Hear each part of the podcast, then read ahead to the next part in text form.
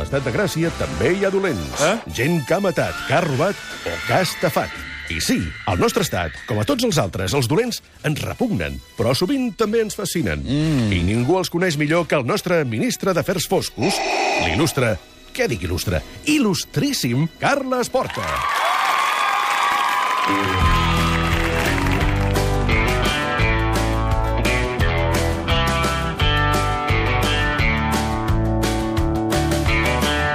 Passar la frontera al maleter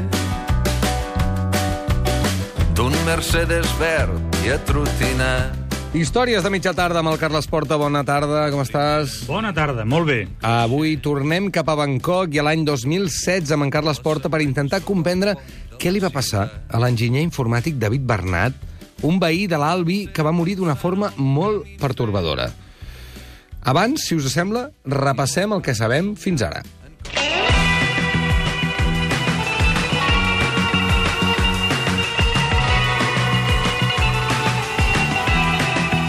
L'últim cap de setmana de gener de 2016, un cos va aparèixer esquarterat a la ribera del riu Chao Phraya, al centre de Bangkok.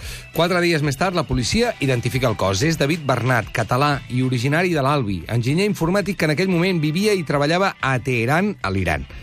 Però, al mateix temps que va desaparèixer el David, també va desaparèixer un tal Artur Sagarra, un home que portava tatuada la Sagrada Família al pit i que preguntava com podia obtenir un passaport fals perquè fugia de la justícia espanyola i preparava un cop amb què guanyaria 300.000 dòlars. I ara, l'Artur Sagarra està condemnat a mort per haver assassinat David Bernat. Com ho aclarirem tot això? Carles Porta. Bona tarda, president. Avui seguirem intentant resoldre què va passar i connectarem l'Artur Segarra amb el David Bernat. Anem a pams. El 4 de febrer de 2016 va sortir l'autòpsia que va permetre identificar el cadàver. Aquesta autòpsia donava alguna informació més. Es confirmava que la víctima havia estat torturada i donava una nova informació. La causa de la mort. David Bernat havia mort per asfíxia. L'autòpsia també ratifica la hipòtesi que ha defensat des del principi la policia. El crim l'ha comès un grup de persones. Pot ser una banda organitzada en què segurament hi ha tailandesos involucrats. La primera incògnita, la primera incògnita Sí. que hem de resoldre que ens ajudarà a lligar caps és què feia David Bernat a Bangkok si vivia a Teheran, a més de 7.000 quilòmetres?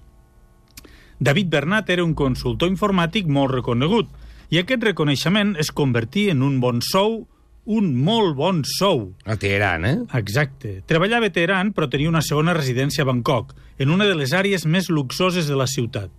Al David li encantava el sou que cobrava a Teheran, però es veu que encara li agradava més la vida de Bangkok. Clar, perquè la vida a Teheran, a Teheran per gastar-se els quartos i sortir o Sobretot- trobar oci, suposo que no deu ser tan llaminera. Sobretot de nit. Ja, t'entenc. Sobretot de nit, no Mhm. crec que n'hi hagi gaire de vida. O com a mínim és molt diferent, no, no em sembla que és fàcil imaginar-se les dues vides. Treballava jornades extenses i tenia una feina molt exigent, de molta responsabilitat, i guanyava un sou en conseqüència. No és estrany que, com, com, que, com que s'ho podia permetre, tingués una segona residència a Bangkok, ciutat coneguda com la capital de la festa asiàtica. Vivia entre Bangkok i Teheran i tenia una vida construïda a les dues ciutats. De la seva vida a l'Iran no ha transcorregut res, però sí que s'ha parlat molt del que feia a Bangkok. Una de les coses que sembla que feia era xerrar massa. Ens ho explica el periodista Garrido Julve, que era conegut del David. gente que está ganando un ingeniero aquí, pues igual se va a los 2.000 euros y la gente le dice que gran salario tienes. Entonces cuando se van allí y están ganando 10, 12 mil euros al mes, pues se acostumbran a que eso es lo normal y pierdes un poco la noción de, de- la, de la realidad eh, en la que tú has vivido anteriormente. Entonces es muy normal ver gente que, que derrocha porque tiene esa capacidad económica. Hay gente que. Y hay, muchis, hay, hay muchísima gente con salarios muy abultados. Y David se juntaba con gente que tenía salarios de esta orden. Y entonces mucha gente comete el error de hablar de ese salario.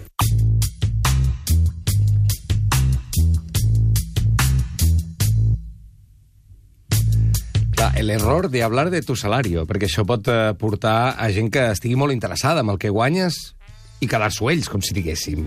D'alguna manera, o treure'n un rèdit d'això. Com sempre corres molt, però sí, sí, sí, sí. Eh, Diguem que la cosa va per aquí, seria un punt, un punt d'ignició. Clar, i ara, ara imagina't, imagineu-vos, eh, un sou de 10-12.000 euros al mes en un lloc a Bangkok on, no sé, es pot dormir per 10 euros la nit, com si diguéssim, en un lloc on 12.000 euros són molts diners. El Garrido Hulbens explicava que ell vivia amb 300 euros al mes. Clar, imagina't. Tenia un bon apartament i podia sortir de nit cada dia.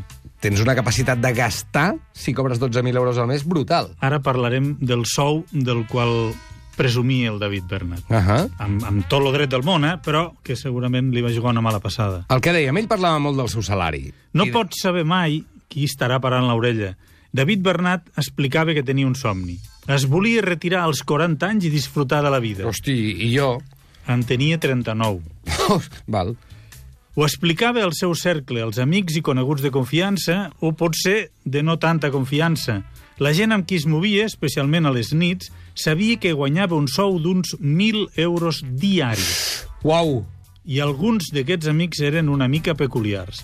Escolteu com el mateix David els definia amb aquests David, una de las frases que decía, con una de estas personas de mucha confianza mías, era, él los llamaba, el, bueno, yo tengo unos amigos que son delincuentes, ex delincuentes, me dice, bueno, tienen algo con la justicia, pero son buena gente. Des de feia temps, David Bernat havia fet amistat amb un grup de persones que, de la mateixa manera que el David explicava que cobrava 1.000 euros al dia, ells explicaven que fugien de la justícia. I entre ells hi havia un noi que portava la Sagrada Família tatuada al coll, com un collaret, al damunt del pit. Un català nascut a Terrassa, el seu nom Artur Segarra. Ja ha sortit la connexió, eh? El David sortia amb aquests amics delinqüents de nit. Sortien de festa junts i ja feia un temps que es coneixien. Per què David Bernat es relacionava amb gent així? Hay que entender que tenían una serie de aficiones en común, más extravagantes, que, que, bueno, que eso hacía que les uniera más, les uniera más. Así que bueno, cuando te gusta el mundo de la noche más canalla de Bangkok, quizás todo lo demás queda detrás.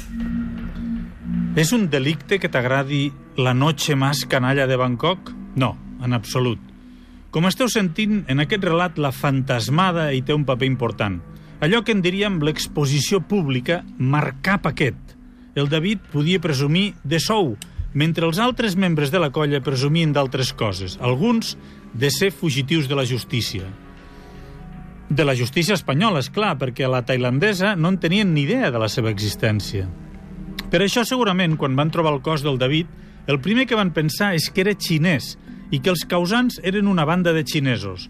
Però quan es va saber que era espanyol, a la policia de Bangkok no li quadraven els esquemes i van trigar uns dies a trobar pistes, més o menys sòlides, per encarar bé la investigació. I una de les pistes principals va venir dels diners. Després hi entrarem en detall.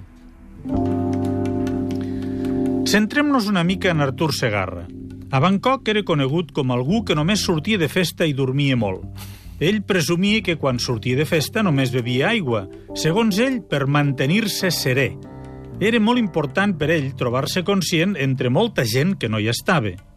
El Segarra era un paio conegut per la seva pinta i per altres coses. Mm, La gente sabía que Segarra tenía problemas económicos porque iba por ahí pidiendo dinero. Eh, Segarra había protagonizado eh, algún caso, algún caso esperpéntico de llamar a gente a altas horas de la madrugada, oye que tengo un problema con la policía, etc, etc. Quin perso, eh? Uh, i espera't. Aquest home que demanava diners als amics i presumia d'haver estafat jubilats a Espanya també preguntava com podia aconseguir un passaport fals. I era un dels que es veien amb freqüència amb en David, el noi de l'Albi. El 19 de gener del 2016, David Bernat va viatjar des de l'Iran a Bangkok per aprofitar uns quants dies que tenia lliures. L'endemà, 20 de gener, de fet el 19 exactament al vespre, va ser l'últim cop que el van veure en vida. Durant els pròxims dies va ser quan David Bernat va deixar de comunicar-se amb la família i amics.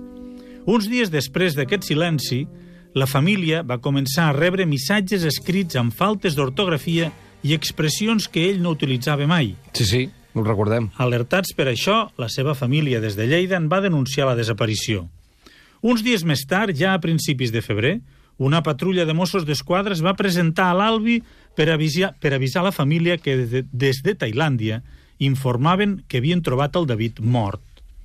Recordeu que us havia dit que els diners serien un element important en aquest cas?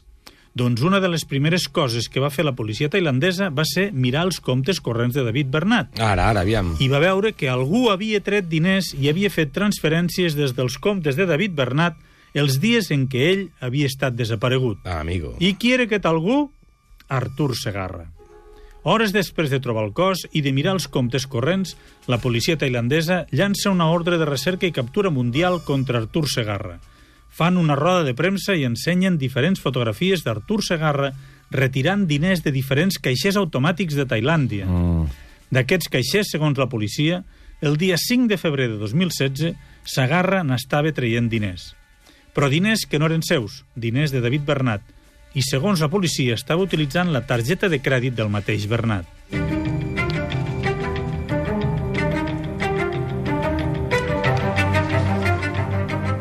Com sempre, jo m'avanço i ja puc dir que Artur Sagarra és culpable. Bueno, a, a veure, tampoc ho tens molt difícil perquè ja hem dit, ja hem dit que l'han condemnat a mort. Ah, val. Per això, aquest spoiler, lo, lo que hem de... Aquí lo que té força Sí. i lo que crec que tindrà gràcia els propers minuts i Sí. capítols és com descobreixen el Segarra i com vinculen l'una cosa amb l'altra. D'acord. Aquesta vinculació, que per mi deixa algunes incògnites, eh, bueno, té...